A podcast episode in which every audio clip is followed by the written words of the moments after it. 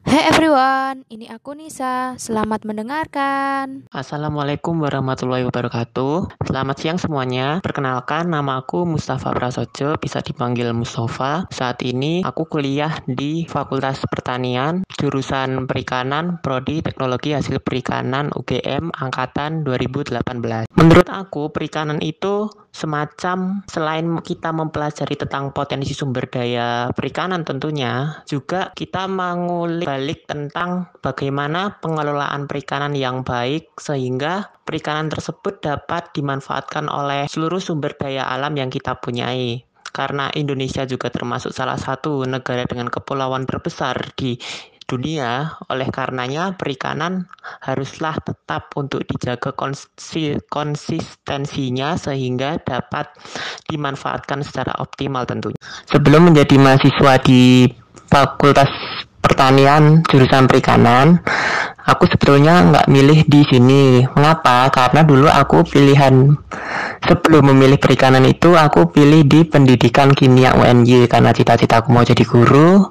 Terus kemudian akhirnya berubah lagi setelah kelas 12 semester 1 yaitu aku memilih peternakan UGM nah awalnya aku nggak tahu uh, memilih peternakan tuh hanya karena cuma ikut-ikutan kakak tingkatku dulu yang kebanyakan keterima di SNMPTN di peternakan. Akhirnya mau nggak mau aku juga ngikut di peternakan juga karena istilahnya kita cari aman lah gitu. Nah pas awalnya itu SNMPTN kalau nggak salah itu banyak banget ternyata yang daftar di peternakan. Nah awalnya aku agak ragu apakah tetap mau fix di peternakan atau enggak dan akhirnya aku memutuskan untuk mundur karena dari nilaiku rapot semester 1 hingga semester 5 itu belum cukup untuk dimasukkan atau bersaing dengan mahasiswa ma siswa lain yang kiranya nilainya itu juga sangat tinggi tentunya. Oleh karenanya aku mundur dan aku memilih di teknologi hasil perikanan juga. Dan awalnya aku sempat les mau persiapan SBMPTN dan alhasil alhamdulillahnya enggak jadi tes. Karena aku jujur bukan anak tipe yang tes ujian tulis itu aku enggak enggak terlalu suka. Akhirnya alhamdulillahnya keterima di SNMPTN jurusan perikanan prodi teknologi hasil perikanan. Wah perasaannya pas. Itu seneng banget ya karena perikanan, UGM juga lagi. Nah, dan kebetulan dari SMA aku cuma aku saja yang perwakilan sendiri di SNMPTN yang di perikanan UGM dan satu-satunya anak yang alhamdulillah juga dapat beasiswa juga yaitu bersyukur banget aku karena bisa lolos seleksi beasiswa juga dan kemudian perasaanku awalnya wah happy banget nih bisa ketemu teman-teman baru terus dapat pengalaman juga benefit apa sih yang aku akan lakukan selama perkuliahan nanti bagaimana perasaannya. Dan itu sangat membahagiakan banget buat orang tuaku juga karena keterima juga di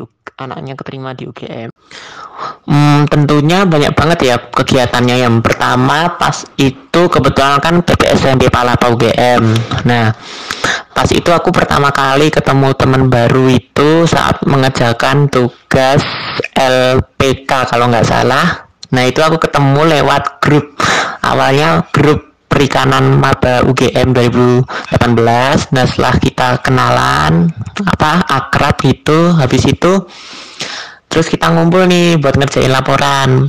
Laporan LPK yang harus dikerjakan wajib saat PPSMB karena itu laporan harus dikumpulkan. Nah, itu saat itu kami dan teman-teman kami yang udah akrab dulu karena pertama kali masuk SNMPTN itu nah kita ngerjain tugas bareng-bareng tuh sampai ada yang ngerjain pom-pom, caping, terus penugasan fakultas dan lain-lain. Nah, habis itu terus kita lebih akrab dan mengembangkan potensi masing-masing. Nah, kalau aku dari sendiri kegiatan awal masuk maba itu pertama itu kalau nggak salah ikut Gelex ya, Gelanggang Expo. Nah, jadi itu kayak UKM UKM gitu yang menampilkan kalau istilahnya di SMA itu ekstrakurikuler lah. Nah, jadi itu aku ikutan UKM. Itu awalnya banyak banget dulu. Sampai nggak kebayang berapa ya. Pertama itu Swagayu Gama UGM. Terus kemudian marching band UGM MB, terus GMCO orkestra. Habis itu Mapala juga. Dan lain-lain. Aku lupa aku ikut berapa. Tapi dari semua yang aku ikut buat daftar di semua UKM itu habis gelex itu aku cuma ngikut beberapa. Karena jujur aku itu nabrak praktikum. Karena semester satu kan nabrak praktikum. Dan kebetulan rumahku tuh aku ngelaju dari Magelang dan ke Jogja. Jadi pulang pergi jadi agak sedikit keteteran lah bahasanya. Karena uh, kegiatan di UKM pun juga nggak terlalu apa ya nggak terlalu mengacu pada waktu juga. Nah pas itu kan aku akhirnya niat di satu UKM aja di UKM marching band. Nah tapi di tengah-tengah itu saat UTS aku mundur karena itu berbarengan juga dengan praktikum praktikum avertebrata nah itu tuh ada semacam responsi tengah dan itu bebarengan sama jadwal latihan juga. Jadi akhirnya aku milih responsi dulu dan akhirnya auto mundur.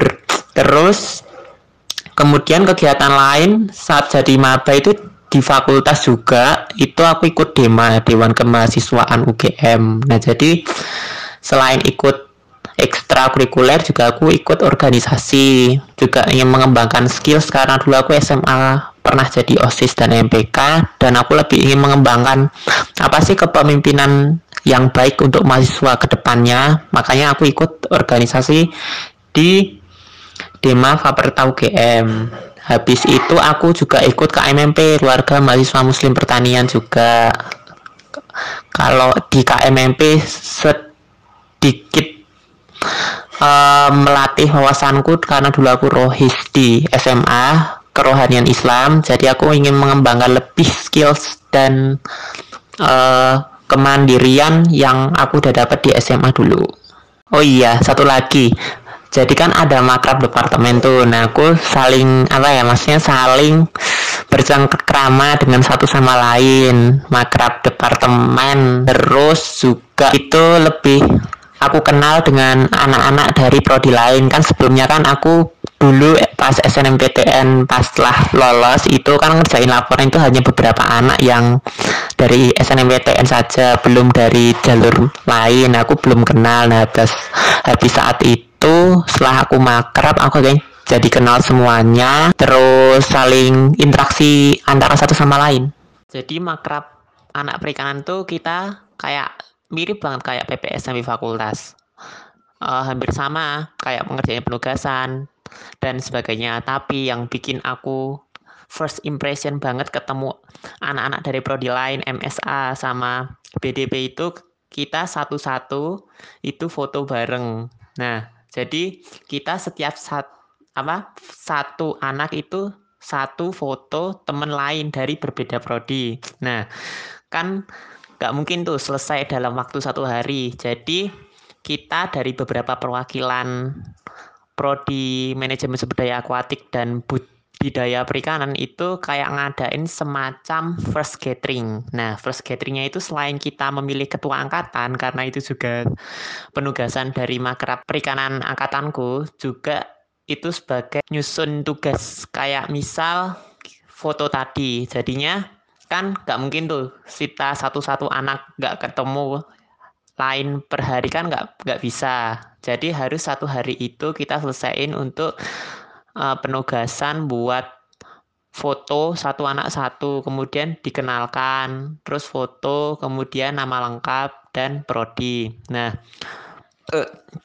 selain itu kita di makrab juga kayak bonding bareng tapi bareng kakak-kakak pemandu juga. Mirip banget kayak PPSMB fakultas. Jadi selain bonding bareng juga uh, juga diceritain pengalamannya kuliah tuh ngapain aja. Terus habis itu yang paling berkesan banget itu di pantai makrab bareng satu angkatan perikanan 2018 di pantai. Aku lupa nama pantainya itu pokoknya di daerah Gunung Kidul kalau nggak salah nah itu makrab terus juga ada api unggun juga. Habis itu kita foto bareng satu angkatan di pantai siang-siang. Panas banget. Nah, jadi setelah kegiatan tadi ya, PPSMB, universitas, fakultas, gelek, makrab, dan lain-lain tentunya kan sudah mulai masuk ke dunia perkuliahan nih tentunya. Nah, tentunya ada perbedaan yang sangat berbanding jauh dengan SMA. Hampir aku katakan 180 derajat antara saat aku belajar di SMA dengan kuliah di universitas. Nah, jadi perbedaannya itu yang pertama itu mulai dari seragam ya tentunya ya. Kan kalau di SMA kan seragam tentunya pakai seragam OSIS, tapi kalau di kuliah kita bebas bisa pakai kaos, bisa pakai baju pendek, bisa pakai setelan hem itu bebas, tetapi asal kita bisa menjaga kesopanan kita dalam hal berpakaian tentunya.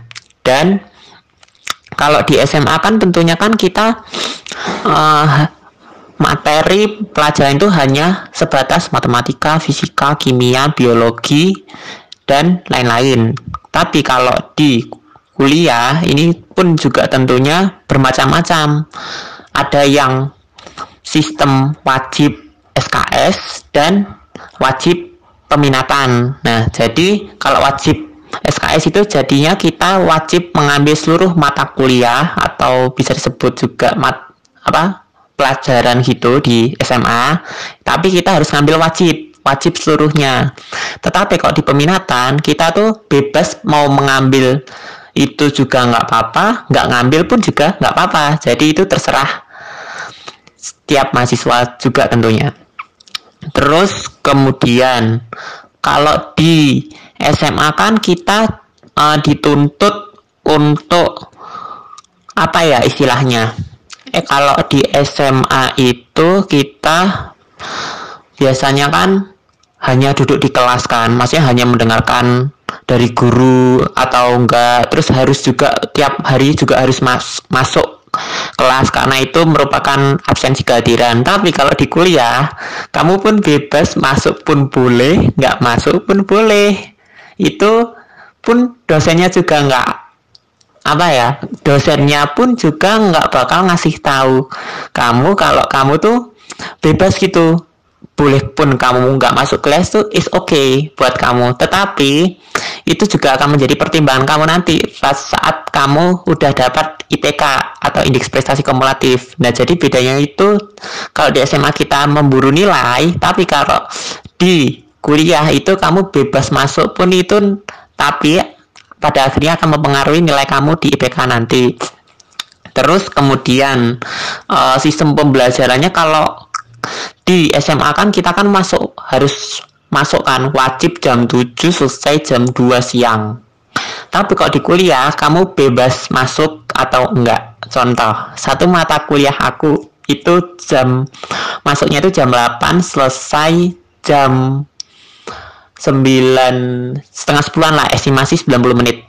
Nah jadi kita tidak apa dituntut untuk uh, menyelesaikan mata kuliah itu dalam waktu hampir kayak jam SMA jam 7 sampai jam 12 tapi kita lihat juga dari beberapa mata kuliah kan juga ada yang satu hari itu hanya dua mata kuliah saja. Jadi kan dari misal dari jam 7 pagi dua mata kuliah jadi bisa selesai jam 12 setelah itu bisa pulang. Nah kemudian perbedaan lainnya uh, tentunya dari segi materi. Kan materi di SMA itu diberikan semuanya dari guru ke siswa.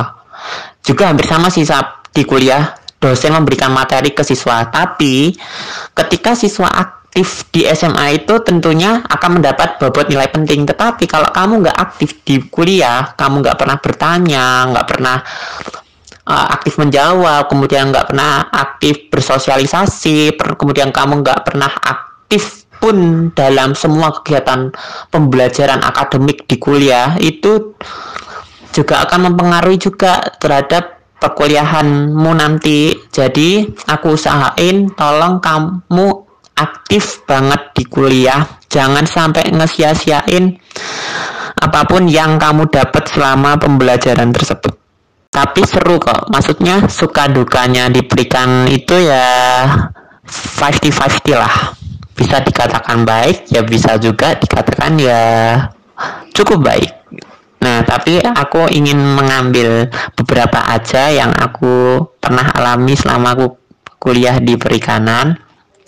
Yang pertama itu uh, aku tipe anak yang suka organisasi tentunya karena dulu aku di, di SMA juga aktif organisasi. Jadi aku di perikanan tentunya di fakultas juga aku ikut dema juga karena aktif organisasi juga. Terus aku ikut UKM walaupun hanya satu karena banyak banget di UGM itu UKM-nya yang cukup menggiurkan dan sangat uh, banyak untuk aku ingin daftarin satu-satu tapi karena time managementku yang nggak bagus juga karena membagi antara waktu praktikumku dengan waktu organisasi dengan UKM itu juga sangat terbatas juga tentunya. Nah, selain itu, aku di perikanan pun juga dikenalkan nih kayak hal-hal baru yang aku belum dapat selama aku kuliah di SMA.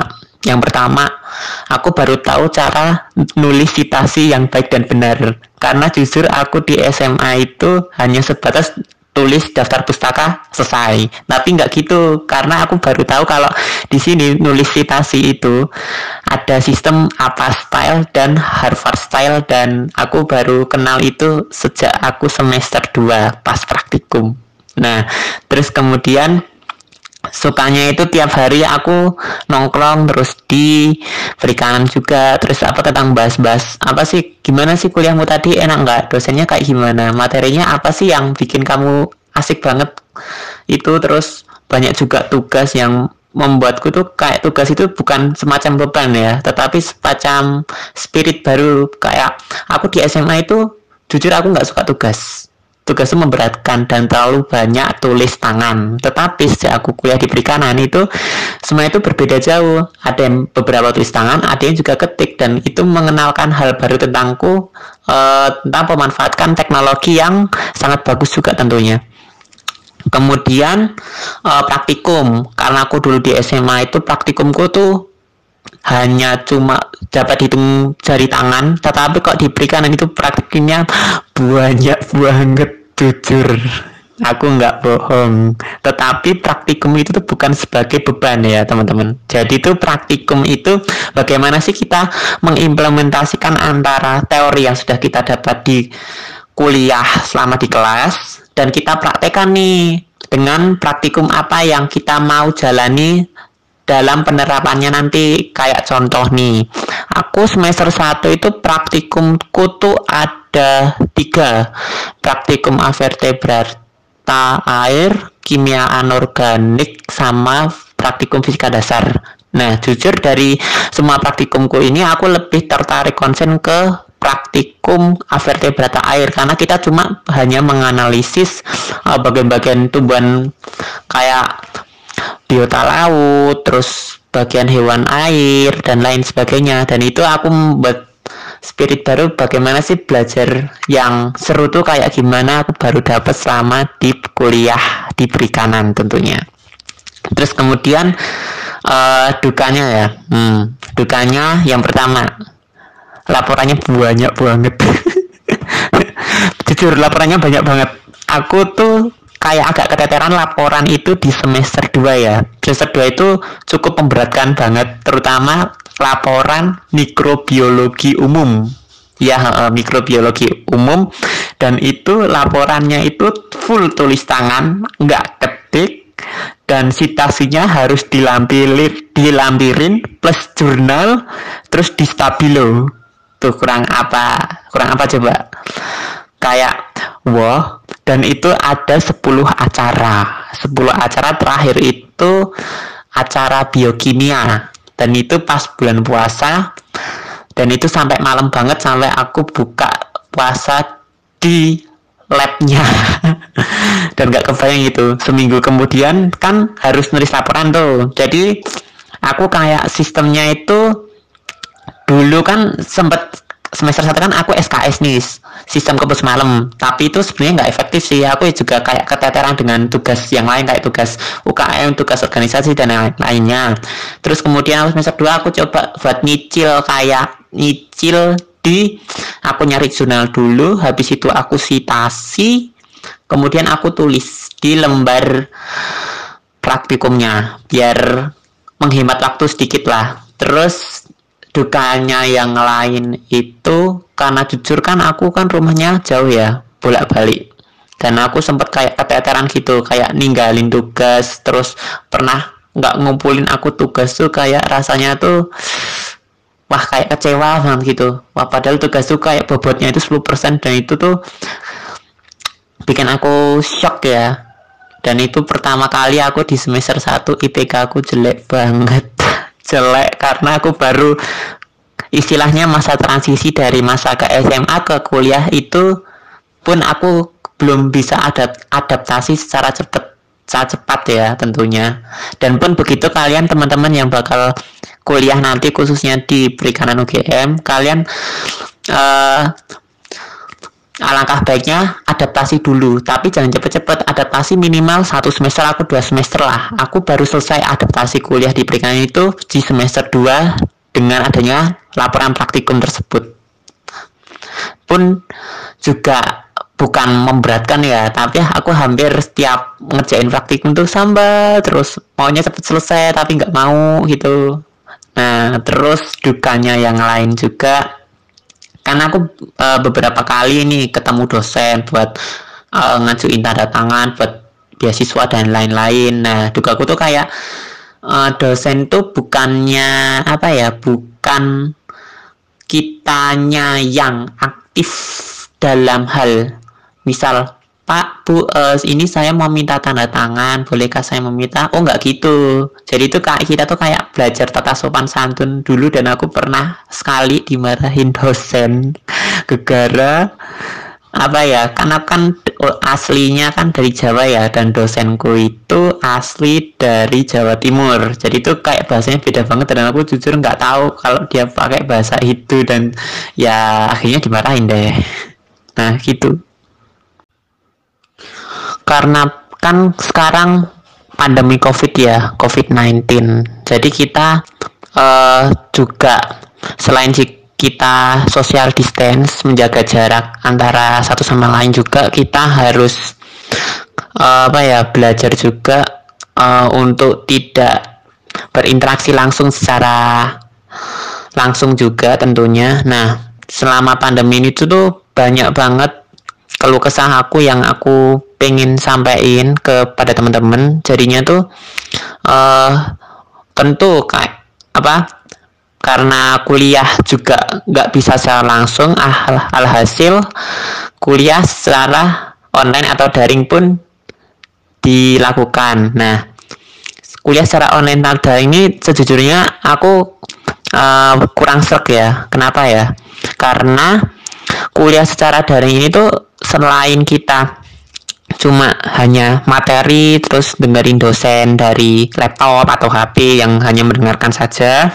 Tapi kayak kurang masuk ke daya ingatan kita tuh loh. Selain kan beberapa mata kuliah aku juga ada yang dipraktikumkan itu juga agak mempengaruhi jadi semisal kayak aku ini kan kemarin semester 4 kan aku ada praktikum daring kan. Nah jadi itu praktikum daring itu bukan semata-mata praktikumnya itu uh, salah satu asisten praktikum itu apa kayak uji coba di lab itu caranya bagaimana terus kita ditunjukin kayak video gitu. Nah tapi alhasil kita juga nulis laporan. Nah jadi kan ini kan juga nggak beda jauh dengan apa yang kita kuliah di kelas ya juga hanya mencatat materi. Sebetulnya itu juga nggak efektif sih kalau kuliah secara daring. Tetapi tapi dari segi plusnya atau segi manfaatnya juga bagus karena juga mengurangi resiko dari social distance juga. Maksudnya kita mengurangi dari kerumunan massa juga. Tentunya juga kita lebih bisa belajar tentang bagaimana pemanfaatan teknologi dengan baik dan benar. Contohnya aja, aku ini selama perkuliahan daring ini sering pakai Webex, aplikasi via daring tatap muka, tapi secara online dalam bentuk streaming. Selain itu juga Google Meet juga. Terus kebanyakan dari dosenku itu sering pakai platform WhatsApp kemudian pakai Google Classroom kalau misal ada tugas-tugas PPT materi yang sekiranya penting karena kemarin kebetulan aku UTS UASnya itu full daring UTS UAS itu full daring dan pengumpulan tugas lewat WA kemudian Google Classroom tapi yang aku agak sedikit kecewa karena mungkin karena daring ini kan uh, mau nggak mau kita harus juga beradaptasi dengan namanya internet kuota. Nah, jadi ada beberapa temanku itu sempat kecewa karena tugasnya belum kekirim, belum sampai, kemudian koneksi si susah sinyal terus karena mungkin pedalaman atau mungkin karena sinyalnya memang nggak sampai di rumahnya atau hal lainnya mungkin aku nggak tahu tapi selebihnya itu. Nah itu mungkin lebih apa ya mungkin lebih diperkuat lagi mungkin dalam sistem pembelajaran daring yang mungkin beberapa dosen mungkin yang sudah sepuh juga aku cukup apresiasi untuk mungkin mau belajar lagi tentang penggunaan teknologi yang baik terutama via daring ini. Namun beberapa ya ya ada yang sudah bisa memanfaatkan teknologi juga. Jadi kalau aku sendiri dalam hal ini pandemi ini pun aku ya cukup apresiasi lah dengan kegiatan pembelajaran daring ini juga. Dan terutama selain kita apa kurangnya sosialisasi juga karena kita kan e, mahasiswa kan hampir kita komunikasi itu melalui medsos. Kalau enggak kita ya virtual streaming lewat Google Meet untuk ya hanya saling sapa kemudian hanya guyon gitu. Nah tapi alangkah baiknya tuh kalau misal secara offline tuh aku malah lebih setuju karena pembelajaran yang paling efektif itu secara tatap muka atau offline. Nah, terus bagaimana sih uh, cara uh, belajar yang baik itu selama pandemi daring tuh usahakan selalu menge apa selalu mengerjakan tugas-tugas juga sebelum deadline juga karena beberapa mungkin ada yang kendala sinyal mungkin. Terus kalau semisal hal-hal yang sekiranya perlu atau penting uh, seperti kayak mau pengumpulan tugas atau mau pengumpulan laporan paper atau tugas yang lainnya itu usahakan jauh-jauh hari itu dikumpulin. Biar enggak kitanya tuh kan masih kan sering sebutnya kan deadlineer ya suka menunda waktu. Ya itu juga aku sering nunda waktu banget sih. Karena aku juga tipe orang deadlineer juga. Nah terus yang aku kangenin itu selama tatap muka offline itu mungkin ya kayak guyon bareng teman terus nongkrong di lembah bareng-bareng makan terus ngobrol tentang hal yang baru mungkin. Untuk perikanan ke depannya ya. Mungkin karena kita dalam menghadapi kondisi COVID-19 juga karena pandemi terutama yang mungkin terdampak adalah para nelayan juga yang mungkin nggak bisa melaut dan beberapa UMKM pengolahan hasil perikanan yang mungkin tidak bisa apa ya istilahnya tidak bisa untuk memproses olahan lebih lanjut karena dampak ini. Uh, saranku untuk perikanan ke depan untuk dalam hal wabah ini agar bagaimana untuk mengoptimalkan teknologi ini sebagai hal yang paling efektif untuk digunakan dalam hal penggunaan aplikasi di perikanan selanjutnya misal untuk virtual meeting atau hal sebagainya kemudian pemberian dana bantuan bagi nelayan yang terdampak juga karena kebetulan juga ada yang beberapa tidak bisa melaut juga sehingga kok keuntungan atau pendapatan juga menurun juga alhasil.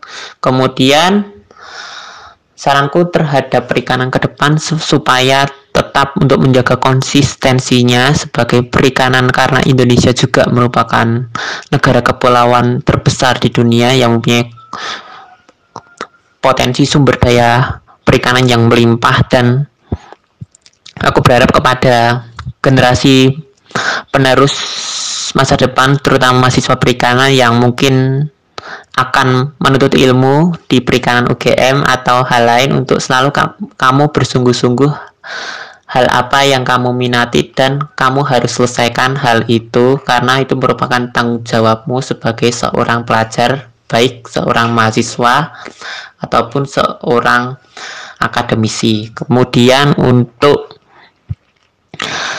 ikan menyapa, aku apresiasi banget karena sudah menyediakan apa ya istilahnya beberapa mahasiswa perikanan untuk kasih tahu pengalaman mereka terutama selama perkuliahan nantinya untuk memberikan inovasi atau hanya sebagai gambaran bagaimana kuliah di perikanan itu ngapain aja kepada maba-maba yang mungkin akan mendaftar di perikanan UGM.